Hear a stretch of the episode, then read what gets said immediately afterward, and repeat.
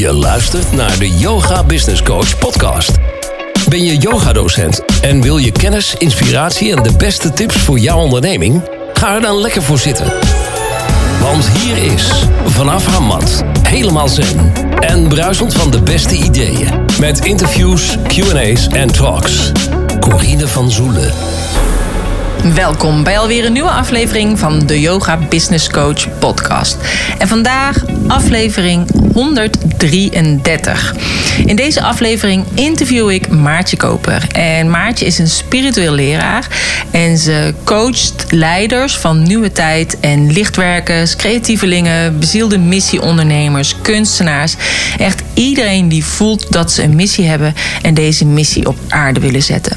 Ze helpt jou ook om te ontdekken hoe creatie echt werkt en er helemaal vol kunt instappen. En hoe je dit praktisch doet, zodat jij leert hoe je een nieuwe aarde kunt creëren. Nou, ze heeft de afgelopen jaren als mentor, schrijver en spiritueel ondernemer mogen leren om op een hele andere manier te kijken naar hoe ze haar realiteit creëert en naar hoe zij verantwoordelijk is voor alles in haar leven. En nee, niet haar ego-ik, niet de menselijke ik, maar juist het grote deel van haar, wie ze echt is. Dus puur bewustzijn. Mocht je meer willen weten over Maartje Koper en over haar gratis programma Manifesteer Wonderen, check dan de show notes pagina www.deyogabusinesscoach.nl slash 133 van deze 133ste podcast. Als je dit een leuke podcast vindt, deel het dan op jouw social media kanalen. Tag mij erin, Corine van Zoelen, vind ik leuk.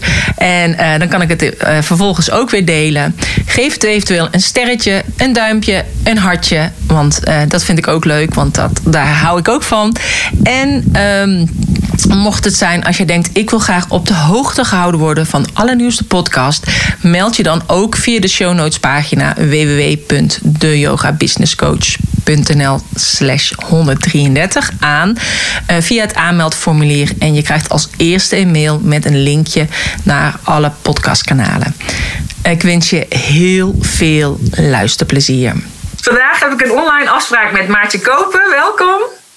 Dankjewel, leuk om er te zijn. Ja, nou superleuk dat je in mijn podcast bent. Ja, dat vind ik ook. Ja. ja. Nee, want ik zat te kijken. Je hebt me ooit geïnterviewd, heel lang geleden. Volgens mij was dat in 2015 of 2016. Toen had jij een, uh, een challenge. Ja, klopt. En uh, ja, ik heb je altijd wel gevolgd. Ik heb ook in jouw training gezeten ooit. Dat was dan een, ja, volgens mij een jaarabonnement of zo. En dat heb ik toen verlengd. En um, dus ik dacht, nu kwam je in één keer weer, kwamen we elkaar een beetje tegen op, uh, op Facebook tijdlijn. En ik dacht, nou misschien is het wel leuk als jij nu in mijn podcast komt. En uh, gelukkig zei je ja.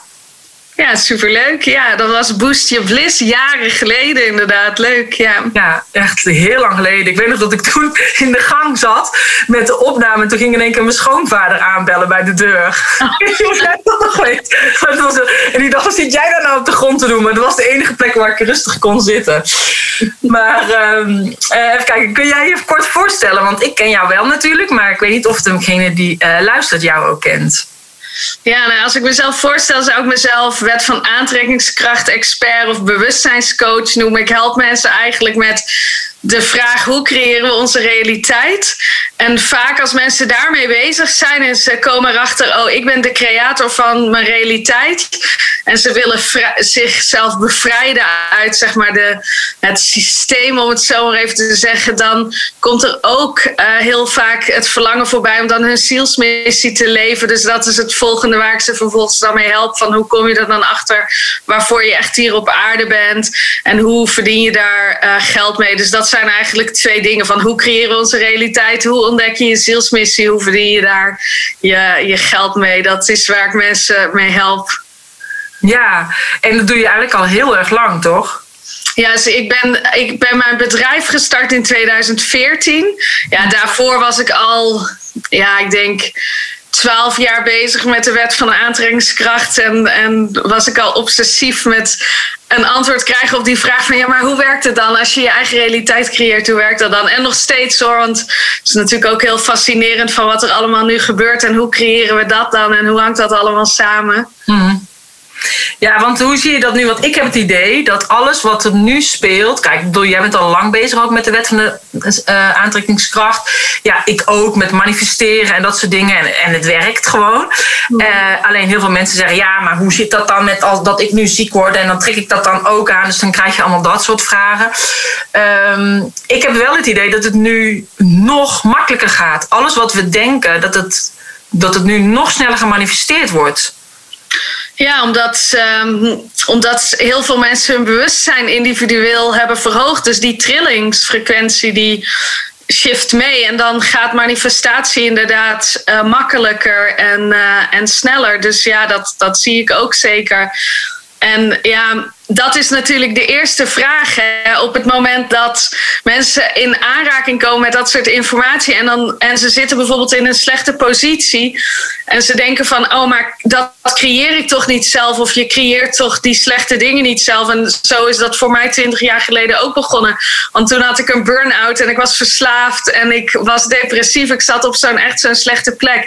En toen ik het de eerste keer hoorde, toen kon ik ook dat niet verwerken. Ik kon het ook niet accepteren of aannemen. Ik was heel boos juist op uh, diegene die mij die informatie gaf. Omdat ik echt denk, ja, dit is zo raar dat je dit zegt. Want denk je dat ik hiervoor gekozen heb? Denk je dat ik dit zelf heb gecreëerd? Ik had heel veel weerstand. Ik heb maanden heb ik niet heb ik dat naast me neergelegd totdat ik echt op een soort bodem zat. En ik had alles geprobeerd om eruit te komen. En ik zat zo vast. En toen kwam dat, kwam dat boek weer, wat ik toen had gekregen, weer me, in mijn blikveld binnen. En toen dacht ik, oh wacht, wauw, er zit echt een kern van waarheid in. Het kan niet anders, want ik heb al het andere geprobeerd. Mhm. en, en dat heeft me alleen maar ongelukkiger gemaakt. En dit is eigenlijk het enige waar ik nog niet oprecht naar heb gekeken. En, ja, toen, en toen zag ik ook van ja, het is niet dat we het bewust creëren. We, ongelukkige dingen creëer je altijd vanuit onbewustzijn. En maar ik creëerde die verslavingen en die burn-out omdat ik mezelf gewoon niet zwaard vond. Ik was ongelukkig, ik volgde mijn eigen afstemming niet. Ik uh, deed altijd wat andere mensen van me verwachten in plaats van dat ik uh, naar mezelf keek. Ik hoorde nergens bij. Ik gaf op mezelf af. Ik was onzeker. Mhm. Ik had geen verbinding met mezelf. En al dat soort dingen creëerde die situatie. Dus het is niet zo dat, kijk, dat creëer je niet bewust. Ik dacht niet van, oh, laat ik eens fijn een burn-out creëren. Of laat ik eens fijn een verslaving creëren. Dat denkt niemand ooit. We, we hebben heus niet met z'n allen gezeten van, oh, laten we eens lekker een, een wereldwijde uh, pandemie creëren. Of laten we een verrot systeem creëren. En dat gebeurt allemaal vanuit onbewustzijn. Maar goed, als je dan bewust wordt van, hé, hey, we creëren het zelf. Dan kun je wel gaan zien van, oh, wacht even deze overtuiging of dit, dit deel in mij. En ik praat vooral dan altijd in overtuigingen en gedachten van deze overtuiging of deze gedachten hebben hier naartoe uh, geleid. En dan kun je het gaan zien. En dan heb je er ook veel meer acceptatie bij, want je weet dat het altijd iets tijdelijks is. En dat als je iets creëert vanuit onbewustzijn, dan is dat altijd voor jou een uitnodiging om iets anders te gaan creëren. Zodra je je blik shift, gaat er iets anders ontstaan. Mm Ja, dat klopt. Want dat zeg ik dan ook. Uiteindelijk heb je dat, uiteindelijk dan die ervaring weer nodig om er dan dus van te groeien. En onbewust heb je daar dan dus om gevraagd. En ik snap dat dat voor mensen heel vervelend is. Van ja, ik heb toch niet om deze ziekte gevraagd. Maar ja, er is dus toch een manier dat je in die situatie bent gekomen. Dus wat kan je dan leren vanuit die situatie? Ja, precies. Kijk, en het is ook best wel zinloos om dan bijvoorbeeld naar andere mensen te kijken van ja, maar hoe zit het dan als iemand dit creëert of als iemand dat creëert? Het heeft alleen maar zin als jij een echte situatie hebt en jij hebt dat gecreëerd en je wil in jezelf kijken wat het heeft gecreëerd. Mhm. En de rest is zinloos. Het is alleen maar zinnig om te kijken wat jij hebt gecreëerd op ieder moment. Want voor een hypothetische situatie kan je geen verklaring geven. Mm Snap je? We kunnen alleen, je kan alleen maar kijken wat er in jouw bewustzijn zit als je daadwerkelijk iets meemaakt. Dus als iemand tegen me zegt, Maartje, luister eens, ik heb hier deze relatieproblemen. Wat in mij maakt nou dat ik dit creëer? En daar, daar kan ik een antwoord op geven. Mhm. Weet je, maar als iemand zegt, ja, maar hoe zit het dan met iemand die bijvoorbeeld kanker heeft uh, gecreëerd in zijn of haar fysieke realiteit? En daar kan je geen antwoord op geven, want het kunnen een heleboel verschillende uh, redenen zijn. Maar er zit vaak achter dat soort dingen wel gewoon een hele heftige zelfontkenning. Hè? En, en bijna een zwartgalligheid over zichzelf. En zelfs dat hoef je niet te zien aan de oppervlakte. Want iemand kan altijd heel vrolijk lijken Mhm. van de buitenkant. Maar je weet niet wat er aan de binnenkant bij die persoon speelt. Je weet niet wat iemand denkt of wat iemand voelt. En, dus je kan echt alleen maar naar jezelf kijken. Dat is heel belangrijk. Ja. Ja, en ik weet ook nog dat toen ik, eh, nou ja, dat is waarom ik dus van de trap gevallen was. Maar ik was heel druk toen ook op school. En ik zei steeds, ik ga uitgerust op vakantie. Want ik dacht, ik ga affirmeren. Dit jaar ga ik uitgerust op vakantie. Ik ga niet weer hartstikke moe. En eh, dus ik bleef dan zeggen, ik ga uitgerust op vakantie. En toen viel ik van de trap. Toen brak ik dus mijn schouderblad. En eh, toen lag ik plat. Nou, ik ben nog nooit zo uitgerust op vakantie geweest. dus ik had het ook echt op mezelf afgeroepen eigenlijk. En Ja. ik dacht, ja, dat is wel, weet je wel. Je, je spreekt iets uit. Het universum reageert erop. Maar je weet nooit op welke manier. Nee, nou op zich, hoe hoger je komt in je vibratie, dan kan. Dan, eh, want je hoeft niet bang te zijn van, oh, als ik iets ga affirmeren, dan ga ik van de trap vallen. Of dan kan er iets vervelends gebeuren om te. Om te eh, hè, dat is, da- daar zit ook weer een bepaalde overtuiging achter. Op zich, als je gewoon creëert vanuit liefde en vrede, dan ga je niet van de trap vallen. Nee, en dan weet je dat. Nee, jij, jij toen. En ik creëerde ook een burn-out om tot mezelf te kunnen komen. Maar Ja. ik wil zeggen van ja, dat, is, dat blijft niet zo. Ik creëer nu geen, niet dat soort contrast meer om tot mezelf te kunnen komen. Weet je dat? eh, kijk, eh, en zelfs eh, het hele wereldgebeuren met corona helpt me op bepaalde manieren om weer dichter bij mezelf te komen. Dus ja, dat creëren we ook met z'n allen natuurlijk. Maar de vraag is van hoeveel eh, ja, contrast ervaar je er werkelijk van? Dat is de vraag. Ja, nee, en zeg maar bijvoorbeeld nu in deze tijd, hè, als je dus als ondernemer wordt je natuurlijk flink uitgedaagd. Ik bedoel, je moet inderdaad flexibel zijn, eh, met alles mee kunnen draaien en toch ook creatief zijn hoe je de dingen neer wil zetten. Ehm, eh, wat, wat voor advies zou je dan aan een ondernemer geven of aan een yogadocent die yoga-ondernemer is, in dit geval om zichzelf staande te houden in de situatie? Ja, kijk, ik zou altijd kijken van wat in mij creëert dat ik me in een bepaalde positie bevind. Want ik denk, net zoals voor jou en voor mij verandert er niet zo heel veel, toch? Voor jou is er ook niet zo heel veel veranderd. Nee. Wij, het lijkt wel alsof wij hier al een soort van op in waren gesteld. En dat is niet per ongeluk. Dat, kijk, voor mij was het puur een kwestie van... ja, ik heb wat live dagen af moeten zeggen. Maar zelfs daarmee, mijn klanten zijn best wel flexibel... en de meesten zijn best wel hoog in hun bewustzijn. En ze, ze zijn gewoon naar me toegekomen meestal. We hebben dat gewoon geregeld en zo. Dus dat, dat, ook zelfs dat gaat heel harmonieus en prettig en fijn en zo. Ik heb me, ik heb me niet beperkt gevoeld in die zin door de regels, eh, door de maatregelen. Nee. Uh, ik heb daar ook een beetje mijn eigen visie op. Maar dus ik zou kijken van op het moment dat jij je beperkt voelt door de maatregelen. Uh, ik, ik doe, uh, leer altijd zo'n shift oefening um, aan mijn klanten. Maar de eerste stap is dus van je gaat kijken hoe je je voelt. Voel me beperkt door de maatregelen. Maar het ligt nooit aan de maatregelen of aan corona of iets in de fysieke wereld. Het is altijd iets in jezelf. Dus dat keer je dan naar jezelf toe. Ik voel me beperkt door mezelf. Oké, is dat zo? En waar is dat zo? Waar beperk ik mezelf? En dat kan dan inderdaad komen door bepaalde overtuigingen. Daar hadden we het net al een beetje over in ons voorgesprek. Maar als jij bijvoorbeeld denkt geld verdienen is moeilijk. Mhm. En je kan die uh, of ik moet me opofferen om geld te verdienen, of geld is slecht, of uh, yoga kun je nu eenmaal niet online geven, of um, uh, je vecht tegen de overheid. Of er, er, kunnen zoveel overtuigingen achter zitten, maar dan ga je dus in jezelf kijken: wat is de overtuiging die dit gevoel veroorzaakt? Want het gevoel komt niet door de maatregelen, het gevoel komt door je eigen overtuigingen. Dus waar beperk je jezelf? En dan kun je dat verhaal veranderen in jezelf, en dan ga je zien dat er andere maatregelen of andere uh, wegen zijn, dan ga je opeens denken van, wow, weet je, Corine uh, heeft een uh, programma waarmee ik online yoga kan geven. Oh, ik hoef helemaal niet beperkt te zijn. Hmm. Of je ziet van, oh, bepaalde klanten, die kan ik gewoon live ontmoeten. Of ja, ik, ik weet niet, dan zie je opeens mogelijkheden. Maar die kan je niet zien als je vastzit in je beperkende overtuigingen. Dus het begint altijd in jezelf om te onderzoeken wat zit daar. Ja, en eigenlijk altijd vanuit ontspanning. Hè? Tenminste, als je inderdaad ontspannen bent, dan krijg je, dan krijg je ook de juiste ideeën en uh, zul je die ook kunnen neerzetten. Daar heb ik vorig jaar ook wel Power Talks over gegeven. Van wat, zou je nog wel, wat is er wel mogelijk? In plaats van om te kijken wat is er niet mogelijk. Toen natuurlijk uh, toen echt ook alles dicht zat. Nou ja, nu ook natuurlijk weer. Ja, ja de eerste stap is altijd acceptatie. Want je kan niet uh, trekken aan een situatie, duwen aan een situatie, weerstand hebben tegen een situatie en dan verwachten dat die verandert, dat is onmogelijk. Want dan geef je je energie eraan. Dus hou je de situatie in stand. Dus acceptatie is de eerste stap. En dan gewoon voelen wat je voelt daarover. Want je mag het gewoon rot vinden. Je mag verdrietig zijn, je mag boos zijn.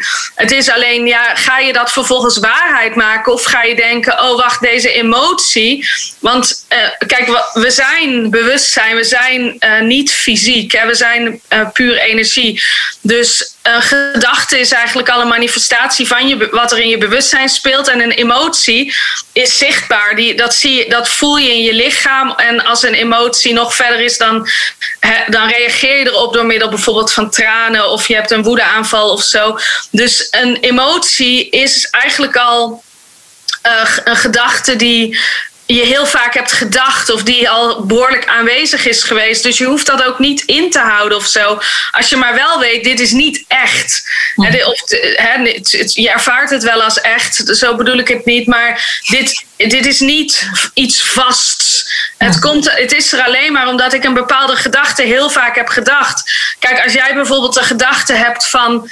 Um, ja, uh, geld heeft ook vaak te maken met support, zie ik. Hè? Van ik word niet gesupport door het leven. En, je, en je voelt dat en je ervaart dat in alles. En ook met je bedrijf en, en in je relatie. Ja, dat is een rotgevoel. Tuurlijk ga je daar slecht over voelen. En dat mag er dan ook gewoon zijn als je maar daarna bewust bent van ja, dit komt omdat ik deze overtuiging heb. En die overtuiging kan je veranderen. Je kan daar anders naar gaan kijken. Je kan tegen jezelf zeggen, ik ga nu zien dat het leven mij steeds uh, meer support. Ik ga nu steeds meer zien dat er overal steun voor mij is. Ik ga nu steeds meer zien dat mensen voor me klaarstaan. Ik voel me gesupport. Ik durf om hulp te vragen. Ik ga, ik ga mezelf supporten. Mhm. En als je dat verhaal verandert en je gaat jezelf daarin trainen, ga je een hele andere realiteit waarnemen. Ja, ja, dat is wel mooi. Ik zeg ook inderdaad heel vaak van het leven werkt voor je en niet tegen je. Ja. En, uh, dus alles inderdaad is met een reden. En, mm -hmm. uh, en alleen hoewel je op dat moment zie je het waarschijnlijk nog niet. Dus dat had ik ook toen ik op de bank lag. Daar zei ik ook iedereen, oh vervelend van je schouder. Ja, maar ik later zal ik wel zien wat de reden is waarom ik hier nu op de bank lig. Nou ja, ja dat is, uiteindelijk is het de omwenteling geweest van mijn, van mijn bedrijf, zeg maar. Ja. En had ik dat dus nodig om inderdaad online te gaan. Ja, kijk, en die pijn en die emoties die je ervaart, eh, die voelen natuurlijk gewoon heel echt. Dat, dat, dat is natuurlijk wat het ego gewoon heel vaak lastig vindt. Uh, vindt als het geconfronteerd wordt met zo'n concept van je creëert je eigen realiteit. Van ja, maar dit voelt gewoon zo echt. En het is ook echt, want je ervaart het ook. Alleen het komt gewoon alleen maar door die overtuigingen. En op het moment dat jij je echt in je volle bewustzijn stapt, stap voor stap voor stap voor stap, dan ga je uh, zien van, oh ja, het was op zich wel echt. Ik had het echt gemanifesteerd, maar ja, het had niet die betekenis die ik er toen aan gaf. Het was inderdaad, enige wat de fysieke realiteit voor ons doet, is dat het ons spiegelt wat er in ons bewustzijn zit. Maar de fysieke realiteit is niet wat de echte realiteit is. Want wij als bewustzijn zijn de echte realiteit. De fysieke realiteit, daarin is een eindigheid. dingen beginnen en dingen. Niets is blijvend in de fysieke wereld, helemaal niets. En daardoor weet je dat het niet echt is. En dat is denk ik de reis die we nu aan het maken zijn. Daarom moeten mensen leren onthechten van hun gewoontes, hun spullen, hun emoties, zelfs van hun fysieke lichaam en van dat hele concept van dat we een fysiek lijf zijn, uh, een fysiek lichaam zijn alleen maar en dat dat afgenomen kan worden. Nee, je bent een ziel die op een eeuwige reis is. Mensen zijn zo bang voor dat ze hun gezondheid verliezen of doodgaan. Ja, op het moment dat je gaat zien van ik ben een stroom van bewustzijn, dan ben je daar helemaal niet meer bang voor. Want ja, sowieso op het moment dat ik iets voel aan mijn lichaam, dan weet ik dat het inderdaad alleen maar komt omdat ik niet afgestemd ben. Dus dan ga ik gelijk op onderzoek uit, dan kun je het gelijk omdraaien. Ik denk persoonlijk niet dat ik een heftige ziekte aan uh, zou creëren nog of zo. Maar zou ik het wel doen, dan zie ik dat als mijn lichaam en mijn onderbewustzijn die me helpt om mij iets te tonen wat ik, waar ik me nog niet bewust van ben. En hoe moeilijk dat dan ook is. En dan kun je het gewoon weer omdraaien, want we zijn liefde. We zijn licht. We zijn uh, hè, de fysieke manifestatie van dat liefdevolle bewustzijn. Dus we behoren niet ziek te zijn. Als mensen ziek zijn, is er gewoon iets aan de hand. En dat, dat ja, daar worden mensen, denk ik, nu toe uitgenodigd massaal om zich daar bewust van te worden. En uh, dat is wat het voor mij een beetje is, dit. Herken ik van twintig jaar geleden. is gewoon, mensen worden uitgenodigd tot een spirituele ontwaking. En het is ook het enige wat ons hieruit gaat helpen. Ja. Bewustzijn. Ja, dat denk ik ook. Dus, en dus inderdaad ook afstemmen. Inderdaad, wat jij ook al net hebt gezegd. Afstemmen op jezelf. En op de bron. Ja. En uh, ja, ik heb het inderdaad over twee weken. Ga ja, we hebben nu dan dit gesprek, maar over twee weken dan heb ik die afstemchallenge. Dus dat is denk ik net wanneer deze podcast ook hmm. vrijkomt van jou. Dus dat is op zich mooi. mooi. Waarbij ik ook denk, het is Kijk, je kunt als ondernemer nog zo goed denken: ik ga een uh, Facebook-advertentie doen of ik ga een, uh, een funnel aanmaken, bla bla bla. Maar als je niet afgestemd bent op jezelf en dus ook niet op je klant en dus ook niet op je zielsmissie en zo, ja, dan, dan ga je schieten met hagel. En dan ja, bereik je niemand. Pas als je zelf kunt, inderdaad kunt uitstralen en omarmen wat je te bieden hebt. En uh, daarmee ook in je eigen kracht gaat staan. Uh, ja, dan zul je dat ook uitstralen en trek je de juiste mensen aan. Want al ja. energie. Het is eigenlijk het oude denken. Als je denkt van, oh, een funnel of uh, dit, deze type marketingstrategie of een Facebook-advertentie of dit of dat of een Facebookgroep of iedere strategie die je maar kunt verzinnen en je denkt dat is wat mij uh, naar mijn resultaat leidt, dat is altijd, komt altijd vanuit een oud uh, denken. Want het zijn eigenlijk twee verschillende dingen. Wat jou naar jouw resultaat brengt, is jouw bewustzijn, zijn jouw eigen gedachten, zijn jouw eigen overtuigingen als dat afgestemd is op wat je wil bereiken, en met afstemmen zie ik dan zo'n lijntje voor me. En ik kan dat nu zeg maar niet uitbeelden voor de podcast, maar met de, het verlangen helemaal bovenin. Daaronder zit, zit hetgene wat het vervolgens als eerste zichtbaar is, want die verlangen zit in bewustzijn. Dat daaronder komen je overtuigingen, je gedachten, je gevoelens, dan je fysieke acties pas en dan je resultaat. Dus op het moment dat jij een verlangen hebt, ik wil bijvoorbeeld meer klanten en je gaat dan denken hoe en dan komt er een of andere willekeurige uh, strategie voorbij in je werkelijkheid. En daar haak je dan op in. En daar ga je mee aan de slag. En dat werkt ook, dat geeft dan niet waar je naar verlangt. En zo zie ik veel ondernemers van de ene strategie naar de andere, naar de volgende, naar de volgende. En ze slaan al die stappen af. Want ze zijn energetisch gezien geen match met wat ze willen bereiken. En dan kun je, dan is het nog geen tijd om na te denken aan strategie. Eerst moet je die, je eigen energie shiften. Want als je probeert een resultaat te bereiken vanuit hetzelfde bewustzijnsniveau, dan ga je het niet bereiken. Uh, dus, uh, maar dat is omdat mensen het heel lastig vinden om naar binnen te keren. Want op het moment dat jij denkt, ik wil nieuwe klanten, of ik wil mijn bereik vergroten of ik wil meer geld verdienen, dan is het heel makkelijk om te denken: oké, ik ga een Facebook-advertentie zetten en dan gaat alles vanzelf. Je hoeft niet naar jezelf te kijken. Maar als daaronder overtuigingen zitten die uh, zeggen: ik ben het niet waard, of ik, mensen laten me altijd in de steek, of ik kan nooit iets bereiken, zou heel, is heel makkelijk om die overtuigingen over te slaan. Want het, hè, dus, dat is, uh, het ego vindt dat moedigt je daar ook vooral in aan. Van dit is de juiste strategie, dit is de juiste weg. Maar het gaat je niet helpen. En dan, nu, ik zie veel uitgeputte ondernemers, vooral spirituele ondernemers, die moe zijn van alle strategieën.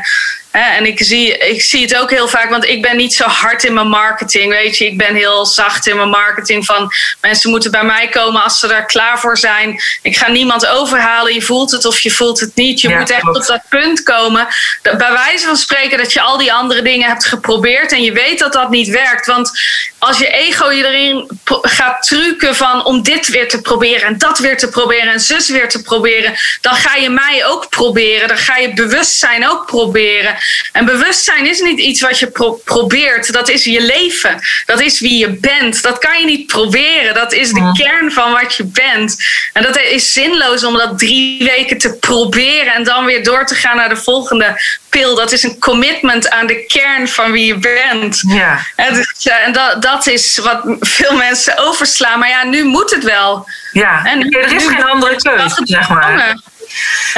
Er is geen andere keuze. En ik denk ook als nee. mensen op een gegeven moment met hun rug tegen de muur staan, wat is het enige wat je dan nog kan doen, is inderdaad dus afstemmen op God. Naar binnen keren. Ja, naar binnen keren. God vinden mensen soms een, een, vreemd, uh, ja, lastig woord. Dus dan, ja, universum, afstemmen op de engelen, uh, de bron, op jezelf. Uiteindelijk uh, is dat het enige wat dan nog overblijft. Ja. En zul je zien dat dat hetgeen is wat werkt. En ik denk, ja, dat probeer ik ook inderdaad de docenten die ik begeleid. En ik heb ook wel coaches en therapeuten. Maar om inderdaad te kijken, wat is jouw manier van ondernemen? Want er is geen voorgeschreven regel van je moet het op die of op die of op die manier doen. Ja. En, uh, ja, en je zou altijd kijken waar word ik blij van. En dat dus eigenlijk. Uh, ja, naar buiten uh, laten zien dat je dat ja. doet en dat, dat je daar plezier in hebt. En het ziet als een soort spel. Het ondernemen is een soort spel. Ja, kijk, je, doet, je voert de acties, de strategie, de strategische acties. Ja, ik, ik wil het niet eens strategie noemen, maar de acties die je neemt om uh, je bereik te vergroten of om klanten te krijgen, of wat je dan ook onder marketing verstaat, die voer je niet uit om klanten te krijgen. Die voer je uit omdat jij er blij van wordt. Ja. Dat het jou een goed gevoel geeft en dit is wat je wil bieden aan klanten. En als dat op elkaar is afgestemd, dus aan de ene kant ben je afgestemd op energetisch gezien op wat je wil bereiken. En aan de andere kant doe je de dingen die je echt super leuk vindt. Ja, dan heb je, een, dan heb je je magisch. Uh, uh, magisch, um, hoe zeg je dat, formule of zo ja. te pakken. Ja, Zone of genius, wat soms. Ja, ja, ja, precies. Maar het is zinloos, want dat, ik zie dat heel vaak. Dan denken mensen, oh, een funnel, dat gaat me brengen. En dan moeten ze die, gaan ze die funnel bouwen en dat gaat nog wel. Maar vervolgens moeten ze hem gaan tweaken en tweaken en tweaken. En ja, dan verliezen ze alle motivatie. Dan hebben ze helemaal geen zin in. En dus dan denk ik van ja, dat komt omdat je met de verkeerde intenties aan bent begonnen. Je dacht dat dit je bracht waar je, uh, waar je hoopt te zijn. Maar niets in de fysieke wereld gaat je iets geven. Dat komt echt allemaal van binnen. Als jij het leuk vindt om een funnel te bouwen, ja, ga je gang. dan moet, als je dat echt, als je daar blij van wordt, dan moet je het doen. Maar als je ergens niet blij van wordt, dan is er altijd een andere manier. Mm Ja, ik heb hetzelfde pad bewandeld hoor. Want ik, was een jaar, ik ben zeven jaar geleden dan begonnen, 2014. En twee jaar daarvoor was ik al begonnen met bloggen. Dus ik schreef ongeveer iedere week of zo een blog. En toen verdiende ik nog geen geld ermee.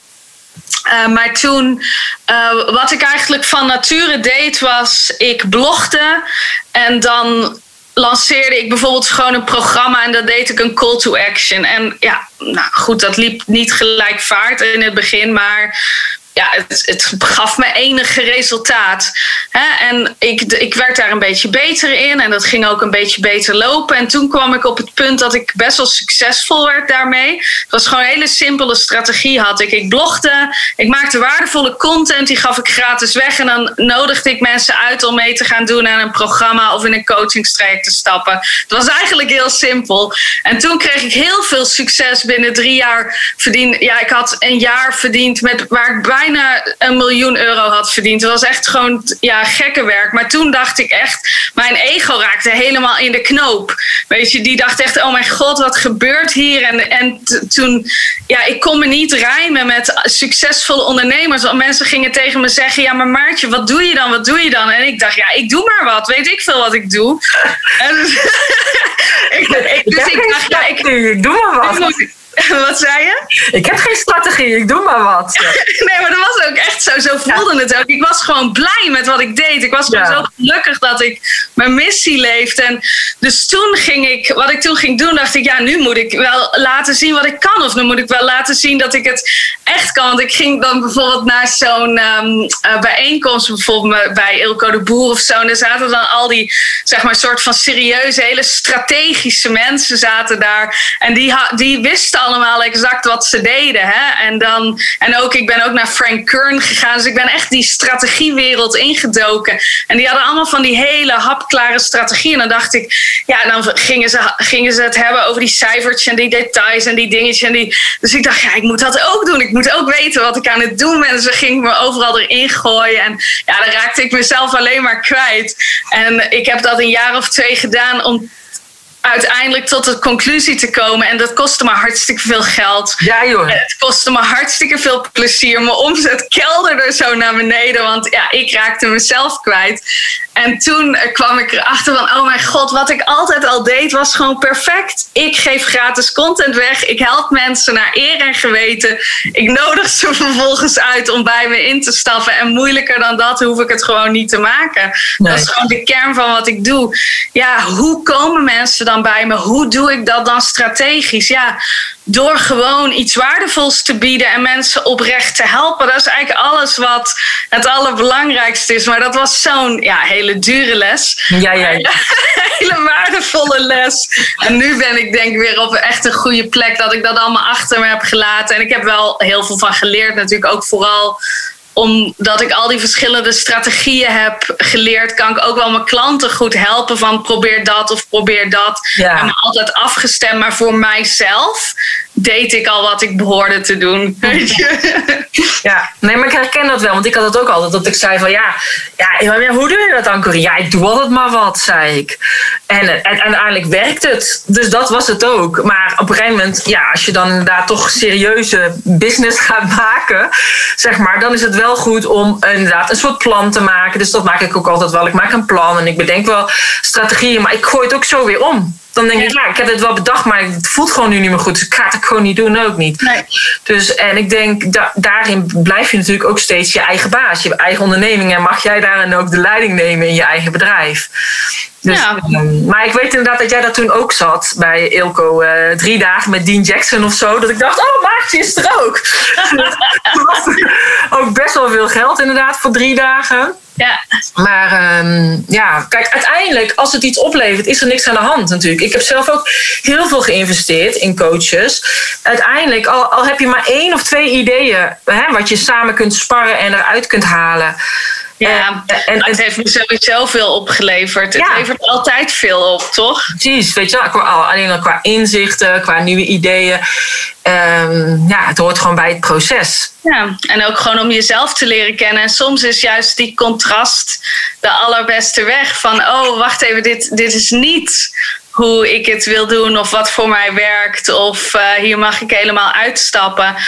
Ja, dus dat is wel, ehm, qua, kijk, qua geld of zo. Ik vraag helemaal niet van die torenhoge bedragen voor eh, mijn programma's of zo. Voor mij voelt het juist fijn om het best wel ehm, eh, toegankelijk te houden. Maar ehm, ja, ik kan ook nog steeds mijn geld ermee verdienen. Dus het is helemaal niet zo dat je per se van die high-end prijzen moet vragen of wat dan ook. Je moet uiteindelijk gewoon doen wat, het goed, wat goed voelt voor jou. Ja, dus dat, ik heb zoiets van, ja, mijn online programma's zijn relatief bereikbaar voor wat je daarvoor krijgt. We proberen gewoon ook heel veel waarde erin te stoppen. Ja, en als je één op één tijd wil, is het natuurlijk een ander verhaal. Maar dat komt alleen omdat ik zo zuinig ben op mijn tijd. Ja, nou ja, heel goed. Dat is toch ook een bewuste keuze ja, van jou. En ik denk dat is ook het voordeel van online ondernemen. eh, dat je dat kan doen. ja, Op die precies. Tenminste, dat even, zo ervaar ik het zelf eh, Ja. inderdaad ook. Dus en... ehm, Zeg maar, we hadden het net al over, inderdaad, ook voordat we hier gingen. Over geld is eh, energie. En jouw programma, een van jouw programma's heet natuurlijk ook Geld is, eh, liefde, geld, Geld is liefde. ja. ik kom er niet meer uit, geld is liefde. En, eh, maar zou je daar nog even kort iets over kunnen vertellen? Want ik vertel ook heel vaak inderdaad tegen de mensen... weet je, we hebben afgesproken dat geld het ruilmiddel is... maar uiteindelijk is het gewoon een soort van eh, bedankbriefje van... oké, ik bedank jou, want jij hebt dat voor mij gedaan. Dus de, je krijgt dit briefje en dus toevallig is het een waarde van 10 euro of van 100 euro... Ja. Of wat dan ook. Eh, maar om inderdaad op een andere manier naar dat geld te kijken. Want ik merk dat bij heel veel mensen er toch een soort van smet zit op het geldidee. Ja, nou ja, goed. Het is inderdaad begonnen als een praktisch ruilmiddel. Op zich is het dat ook al lang niet meer. Dus in die zin hebben mensen ergens wel gelijk dat er iets scheef is gegroeid. Want we hebben natuurlijk allerlei soort van strategieën bedacht om geld te verdienen met geld. En daar loopt het eigenlijk mis. Als je geld gewoon puur als ruilmiddel gaat gebruiken, dan moet je, zou je eigenlijk als maatschappij af moeten spreken dat je niet meer toestaat om geld met geld te verdienen. is wel heel interessant. Maar goed, dat is een heel ander verhaal. Nu eh, is dat nog wel zo. Dus dat maakt dan dat het voor sommige mensen wat oneerlijk voelt. Want de een kan, gaat alleen zijn tijd inzetten om geld te verdienen. De ander gaat zijn energie inzetten om geld te verdienen. En weer de ander gaat ook zijn skills of gaat zijn geld inzetten om geld te verdienen. Weet je, dus daar zitten wel eh, bepaalde kunnen gevoelsmatig bepaalde ongelijkheden zitten. Maar ja, goed, we hebben op zich allemaal wel toegang tot dezelfde bron. Hè, tot, tot dezelfde God, om het zo maar even te zeggen. Dus in die zin uh, is jou, jouw relatie met geld is gewoon een spiegel van, um, van uh, ja, jouw gedachten over geld. Jouw voor mij is geld gewoon ja, een manier om mezelf te supporten. Ik heb helemaal geen interesse in. Um, ja, dingen als investeren of wat dan ook. Wat het voor mij is, ik moet altijd denken aan die uh, Walt Disney quote. We maken geen films om geld te verdienen. We maken films zodat we meer films kunnen maken. Zo ervaar ik dat zelf ook. Ik verdien mijn geld zodat ik kan blijven doen wat ik doe. Dus iedereen heeft een andere relatie met geld en heeft daar andere behoeftes in. En er is ook geen goed of er is geen fout. Er is alleen maar je eigen afstemming. Ik had heel veel problemen met geld toen ik zeg maar stopte met mijn baan in loondienst en ik ging voor mezelf uh, beginnen. Toen merkte ik hoeveel geldblokkades ik had. Want ik was zo gewend, net als de meeste mensen, om jezelf op te offeren om geld te krijgen. Want dat is vaak wat mensen ervaren in loondienst. Je moet erheen, dan moet je je tijd inleveren en dan daar krijg je een bepaald loon voor terug. Maar je zit altijd zeg maar, met beperkingen of bazen of tijdschema's. Er zijn zelden mensen die echt floreren in hun werk. Die zijn er wel, maar voor spirituele en bewuste mensen minder. En die zijn zo, hun energiesysteem is zo gevoelig en mm-hmm. ze hebben het eigenlijk zo nodig om hun afstemming te volgen. En dat is bijna nooit te combineren met een van 9 tot 5 dingetje. En dus het kan wel en sommige mensen kunnen zich heel lang aanpassen, maar mijn ervaring is dat als je echt echt uh, hooggevoelig, bewust persoon bent, dat er wel altijd een beperking zit en dat je meestal wel verlangt naar om daar uit te breken of om dat op een hele andere manier in te richten. Ja. En dus um, dat, dat, had ik bij mijn laatste baan ook en dan was het echt goed vol te houden, maar dan nog steeds merkte ik, ik behoor eigenlijk iets anders te doen. Dus ik liep toen ik echt zelf om die prijzen moest gaan vragen en ik moest mijn waarde gaan uitwisselen voor geld, liep ik echt wel tegen een heleboel beperkingen op. En toen heb ik daar heel veel over nagedacht, over gelezen van wat maakt nou dat ik het zo lastig vind om geld te vragen voor wat ik doe. En daar zitten allerlei overtuigingen achter natuurlijk. Dus ik ben dat heel erg uit gaan zoeken. En ik weet nog dat ik op een dag in mijn auto zat en toen was ik daar ook over na te denken. Ik denk, ja, maar wat is dat toch? Want sommige mensen hebben helemaal geen problemen mee om geld te ontvangen. En sommige sommige mensen zoals ik vinden dat zo moeilijk. En toen hoorde ik zo'n stem in mijn hoofd en die zei tegen me: geld is liefde. Dus toen dacht ik: geld is liefde, geld is liefde. Zo zag ik dat helemaal niet. Weet je, dus toen dacht ik: oh, maar wacht even. Als je geld ziet als liefde, als je geld gaat zien als een energie om jou te supporten in wat je doet en in jouw leven op aarde. En ik kan er zo naar gaan kijken. En ik hoef dus niet specifiek geld te ontvangen, maar waar, waar ik me op afstem is dat ik liefde en support ga ontvangen dan komt het geld vanzelf wel. Ja. En hoef ik helemaal niet bezig te zijn met ook moet deze maand x euro omzet draaien of dit of dat. Ik hoef alleen maar te affirmeren dat het leven voor me zorgt. En dan komt geld, ja, komt gewoon als ik het nodig heb. Ik hoef daar niet eens zelf over na te denken.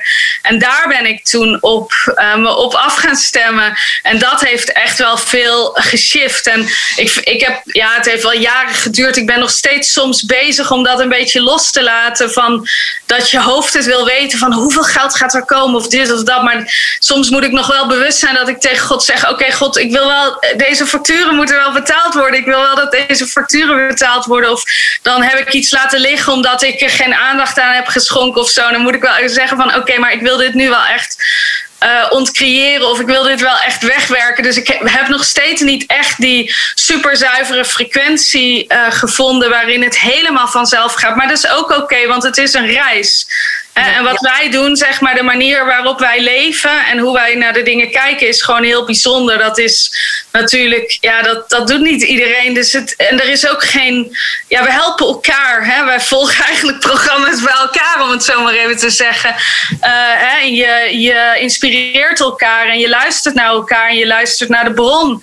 En je ontdekt het samen met God, maar er is geen uh, handboek of zo. Hè. We zijn het handboek aan het schrijven.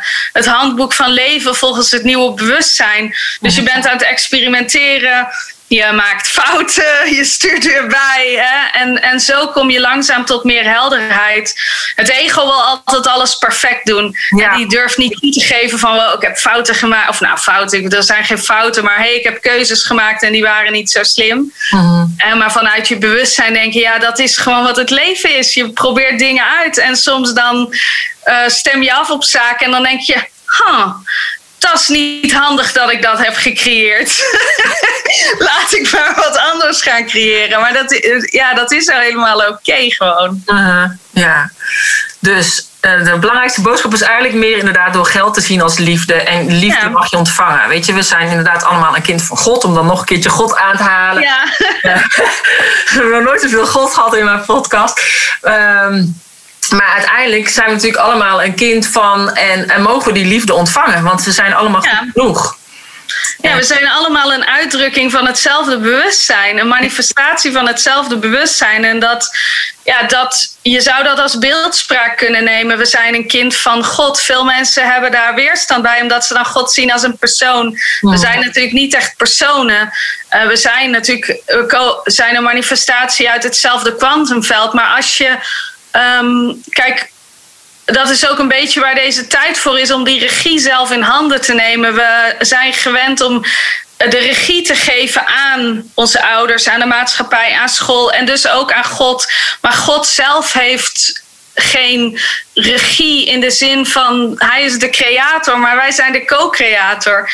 En je creëert, als je creëert met God als één, dan zit je echt in de flow. Je creëert met het kwantumveld als één of met liefde als één. Met het universum als één. Er is geen verschil tussen jou en God of jou en liefde of jou en het universum.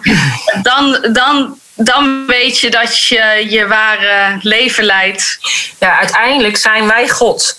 Ja, wij zijn God. We zijn de fysieke manifestatie van, van God. Ja, en ik denk dat is wel, uh, zodra je inderdaad denkt, oh, God is inderdaad iemand die boven ons staat. Of, maar als je inderdaad gaat zien, wij zijn God, dan is het ook al heel anders. Want wij zijn het licht en wij mogen het licht gaan verspreiden. Ja, maar goed, weet je, Bill Gates is ook een fysieke manifestatie van God. Ja. Het is niet zo dat alleen mensen die. Uh, uh, hij levert het nodige contrast op uh, of de nodige inspiratie om andere keuzes te maken. Dus we hebben, hebben toen we onszelf gemanifesteerd hebben, afgesproken, we hebben een vrije wil en we kunnen voor angst en controle kiezen of voor liefde en eenheid. Mhm. En ja, sommige mensen kiezen A en andere mensen kiezen B. ja, maar ik denk wel, uiteindelijk heb je andere mensen nodig om te kiezen voor het een of voor het ander. Dus hebben zij die rol gekozen om een ander daarin misschien te laten groeien? Ja, en, en eigenlijk is het nog niet eens echt een bewuste keus voor veel mensen. Het is dan een onbewuste keus. Ja. Maar op het moment, kijk, als het bewustzijn verhoogt, dan kunnen dat soort zaken niet meer blijven ontstaan. Dat, daarom komt het nu allemaal naar de oppervlakte. Het past niet meer bij de nieuwe wereld. Nee. En dan moet je eerst even gewoon zien wat er aan de hand is, zodat je weet waar je andere keuzes kunt gaan maken. Dat is gewoon het enige. Mhm. En het was voor mij met dat hele mondkapjesverhaal is gewoon alleen maar een uitnodiging om dicht bij mezelf te blijven. En kijk, wat ik gewoon geloof en wat ik ook zie, en dat is ook wel uh, grappig om te ervaren, is ja, wij hebben een vrije wil. Hè? Dus als ik, op het moment dat ik zeg, oh mondkapje, nee dankjewel, dan moet iedereen die wil eren. Mensen gaan niet met mij in gevecht daarover, want ik heb een vrije wil. En die dring ik niet op aan andere mensen en ik ga er niet om strijden. Ik voel hem in mijn hart. Mm Ik voel gewoon, ja, ik ben geboren met een vrije wil. Dus ik mag mijn eigen keus maken. Dus ik denk daarover, oké, mondkapje, wil ik een mondkapje dragen of niet? Nee, voor mij heeft het geen meerwaarde. Vooral niet wat ik geloof over gezondheid en de wet van aantrekkingskracht. Dan zou je het alleen maar doen omdat je bang bent dat je een boete krijgt of voor wat andere mensen denken. En dat is voor mij niet de goede reden. Dus ik denk, ja, als ik er ooit een boete voor zou krijgen, wat ik niet geloof, maar dan zie ik het maar gewoon als de investering voor mijn vrijheid of zo. Ja, ja. En, en dan merk ik ook, ja, met die houding word je ook gewoon niet op aangesproken. Ik, ik, in het begin was ik echt doodsbang hoor. Ik heb twee, twee weken de supermarkt vermijd. Mhm. Daarna dacht ik, ja, ik ga toch de confrontatie aan met mezelf. Toen dacht ik, oh, het valt mee. Als ik gewoon denk, inderdaad, ik eer jouw vrije wil, ik eer mijn vrije wil, dan is alles oké. Nou, ik vond het de eerste dag toen spannend, 1 december. En, uh, maar toen zei ik nee, ik val onder de uitzondering. En toen zei ze oké, prima. Daarna heeft nooit iemand mij erop aangesproken. Dus ja. ik heb hem nog nooit gedragen en ga het ook niet doen. Um, nee. En uh, ja, ik denk ook als ik het inderdaad zou dragen voor die ander, of als ik zo'n vaccin zou nemen voor die ander, ja, wat, dan stel ik die ander boven mezelf. Maar er is geen ander. Nee, er is één bewustzijn. Dus wat, wat dan maakt dan in die ander dat jij die, die keuze maakt? Dat zou, waarvoor zou dat dan zijn? Dat zou zijn omdat zij. Ja, waarom zou dat. Huh? Dat is dan wat de buitenwereld zegt. Van, dat is wat je nu te horen krijgt. Hè? Je neemt het vaccin voor de ander. Of je, neemt, je draagt het mond. Nee, dat, dat snap ik. Maar wat in die ander maakt dan dat zij het nodig hebben dat jij dat doet voor hun gemoedsrust of zo? Daar zit natuurlijk een gedachte of een overtuiging achter. Ik bedoel, waar, stel ik zou willen dat jij een mondkapje draagt voor mijn gezondheid. Dat is omdat ik dan Um, ja, wat, dan voel ik me beter omdat ik het gevoel heb dat door jouw actie dat ik minder kans heb om ziek te worden of zo. En dat slaat nergens op, want dat zit alleen in mijn eigen bewustzijn. Dus in mijn, in mijn uh, beleving doe ik dit juist voor de ander. Omdat ik hun grootsheid zie en de goddelijkheid in hun zie, ook al zien zij het misschien zelf nog niet. En dan hebben zij de keuze om daarin te stappen, ja of nee. En doen zij dat niet, dan is dat hun vrije wil. Die eer ik. Want zo, dat hebben we afgesproken om vanuit vrije wil te leven. Dus ik eer hun vrije wil. He, dat, zij mogen een mondkapje, ze mogen er drie dragen, ze mogen ermee naar bed gaan. Dat mogen ze allemaal doen, maakt me helemaal niet uit. dus ik eer hun vrije wil. Ja. Uh, dus, maar ik zie wel hun goddelijkheid van ja, je hebt dat niet nodig voor gezondheid. Ik snap dat je de overtuiging kunt hebben dat het helpt. Ik neem ook een aspirintje als ik heel erg veel hoofdpijn heb, omdat ik denk dat het helpt. Maar ik weet wel dat het helpt omdat ik denk dat het helpt. Ja. Nee. nee, en ik, ik, ik draag het inderdaad gewoon niet, omdat ik denk voor mijn eigen gezondheid is het beter als ik hem niet draag. En, uh, nou ja, en ik denk ook daarin moeten we elkaar in respecteren. En uh, ja, is het een uitdagende tijd voor velen. Maar het belangrijkste is bij jezelf blijven. In alles. Ja, dat is, de, dat is de uitnodiging om heel dicht bij jezelf te komen. Ja, en dat is best wel een mooie reis, toch? Ja, heel mooi. En ik denk ook wel, uh, ja, we hebben ervoor gekozen om nu te leven. Uh, dus het is ook wel heel bijzonder dat we dit meemaken. Ja, zeker. Dus, uh, nou ja. ja. en ik, ik kan ook wel uit. Kijk, ik probeer vooral in het moment te leven. En ik weet dat ik nu creëer, maar ik kan ook wel uitkijken naar, goh, wat zou er over een paar jaar onder vandaan komen? Als, kijk, als ik bijvoorbeeld naar mezelf kijk, toen ik die burn-out, voordat ik, die, uh, voordat ik spiritueel ontwaakte. En ik denk niet eens dat mensen echt spiritueel hoeven te ontwaken, maar dat ze wakker worden tot, wow, wat voor systeem we hebben gecreëerd. Dit werkt helemaal niet. Dit houdt ons, zeg maar, ja, ongelukkig of in een lagere frequentie. Het, het, het systeem, het maatschappelijke systeem is um, is, niet, uh, is niet gezond. Hè? Dat mensen al hun tijd en energie inleveren om een bepaald salaris te krijgen waar eigenlijk maar een klein handjevol mensen echt vrij van wordt. Dat is in de kern zijn we niet voor gemaakt. En dat moet gewoon echt gaan veranderen. Dus, en, en, maar dat zie ik als het systeem wat is gecreëerd door het ego. Dus mensen hoeven niet spiritueel te ontwaken. Ze hoeven alleen maar te zien van wow, dit systeem willen we niet meer. Wat we hier hebben gecreëerd, dat willen we niet meer. En als ik kijk bijvoorbeeld hoe vast ik zat voordat ik ontwaakte tot mijn persoonlijke systeem werkt niet. En wat er daarna, de tien jaar daarna is gebeurd. En nu ben ik twintig jaar verder. Denk ik van ja, zo'n wereld van verschil. Ik ben een heel ander persoon. En dan kan ik wel denken van wow, wat kunnen we over tien of twintig jaar creëren met z'n allen. En voor onze kleinkinderen kunnen we een hele andere wereld achter gaan laten. En dat maakt me gewoon wel oprecht uh, dankbaar. En ja. Uh, ja. ik weet niet of het zo snel kan gaan, maar ja, ik hoop het. We ja, ik hoop het ook. ik hoop het ook. Maar ik denk ook inderdaad, het is nodig. In plaats van dat je een persoonlijke burn-out hebt, is het nu gewoon een massale burn-out. Ja, het is ja, psychose, burn-out, uh, angst. Ik heb hele heftige paniekstoornissen gehad en durfde ik ook de straat niet op. Dus ik herken dit gewoon echt heel ja. erg goed. En ik weet ook wat ik persoonlijk heb gedaan om eruit te komen. Dus ja, het enige wat ik zelf kan doen is gewoon dit proberen te blijven leren aan mensen. Want het is niet makkelijk als je vastzit in die angst en je voelt je zo alleen en je voelt je zo kwetsbaar. Dus ik heb daar alle compassie en respect voor. Maar ja, het heeft geen zin om daaraan vast te houden. Daarmee ga je niet komen waar je wil zijn. Nee, dat klopt. Ja, en uiteindelijk blijft het bij je eigen creatie. Dus wat jij ook al eerder aangaf van, ja, ik weet niet of jij er last van hebt gehad. Ja, ik heb er inderdaad geen last van gehad, maar bij mij liep alles gewoon door. En um, ik heb inderdaad ook live dagen. In plaats van dat ik één live dag, werden het er twee. Omdat er dan de groep anders te groot was. Dus op die manier heb ik het anders gedaan. Uh, en dat, dat hebben ook sommige mensen tegen mij gezegd. Van ja, maar ja, jij hebt makkelijk praten. Jij had al alles online. Dan denk ik van ja, maar dat heb ik zelf gecreëerd. En daar heb ik toen ook weerstand op gehad. Uh, maar ik ben er wel doorheen gegaan. Omdat ik ook bij mezelf bleef. Ja. En uh, dus ik denk alles heeft inderdaad een reactie op wat je zelf hebt, uh, hebt neergezet. En, nou ja.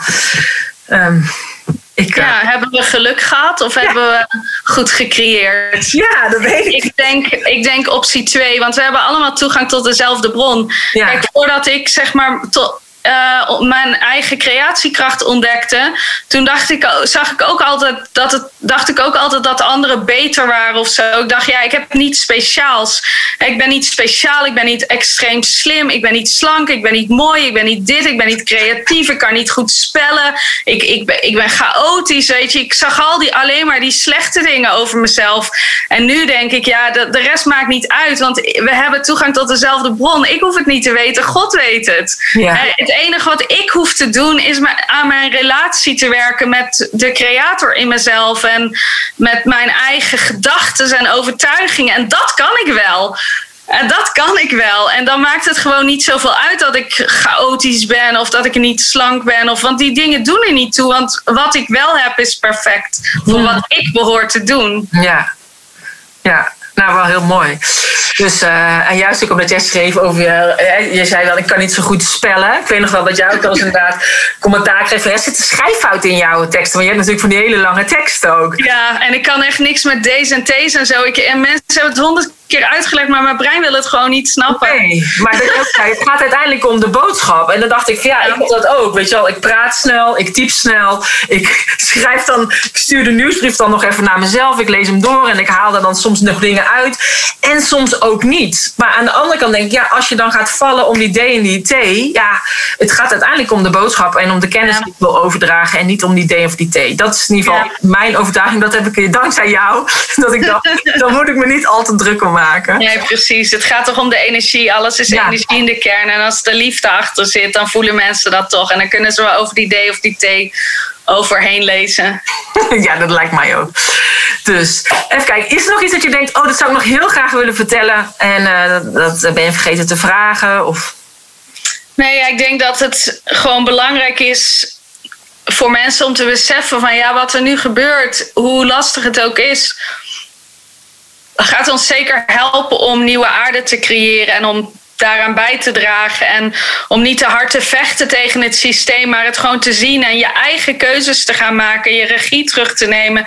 Te weten dat je niet afhankelijk bent van een overheid. En bijvoorbeeld, kijk, formeel gezien bestuurt de koning het land. Ja? En er staat ook zeg maar van de koning bestuurt het land bij Gods gratie. Hè? Wie uh, is God? Dat zijn wij allemaal. Dus op het moment dat jij zegt nee, ik ga niet mee in die regels. Kijk, dat vinden mensen lastig omdat we denken, ja, we hebben toch regels nodig omdat we uh, orde nodig hebben. Maar als jij creëert met God, dan ga je niemand anders pijn doen. En daar zijn die wetten voor bedoeld, zodat we ons gedragen. En maar als je, als je creëert afgestemd met liefde, dan ga je niemand anders pijn doen of, of tekort doen. Want dan doe je jezelf tekort. Je bent elkaar. Dus, dus daar, je hoeft daar niet bang voor te zijn uh, als je dan bij bepaalde regels die ze hebben of besluit ik, ga, ik maak een andere keuze of ik maak een keuze die afgestemd is op de liefde in En daar gaat dit om. Uh, want het is eigenlijk gewoon een heel raar idee als je er goed over nadenkt. We zijn als zielen gelijk gecreëerd. En dan gaan we eigenlijk naar een overheid kijken, of al kijken we naar onze ouders of naar de maatschappij of naar onze leraren. En dat die zeggenschap over ons hebben is eigenlijk heel raar. Wat maakt dat de ene ziel meer te zeggen heeft uh, als de andere ziel? Dat, dat slaat nergens op.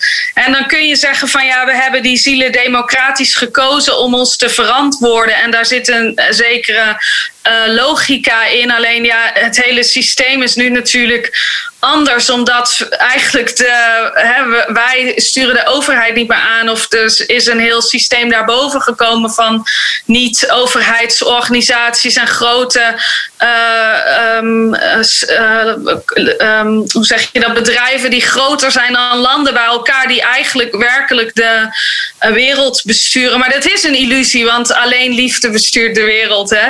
Dus ja. en da, om die shift te gaan maken van, oh ja, wie de wereld ook bestuurt dat is niet alleen God bestuurt de wereld. en daar zijn we allemaal gelijk deel van. En, en als je creëert in afstemming met God, hoef je ook niet bang te zijn dat er slechte dingen gebeuren. Want het is, het, het is een wassen neus. Als iemand tegen mij zegt: Je moet dit doen. En ik zeg nee, dan is het nee. Want ja, ik, ik ben, ik ben een een krachtige creator. Of je bent een gelijke creator. Dus als jij voor nee kiest, of als je voor ja kiest, dat maakt niet uit. maar de meeste mensen kiezen voor ja. En daarom houden we het systeem in stand. Ja, dus ja. Eh, zodra meer mensen voor nee gaan kiezen, dan valt het systeem uit elkaar.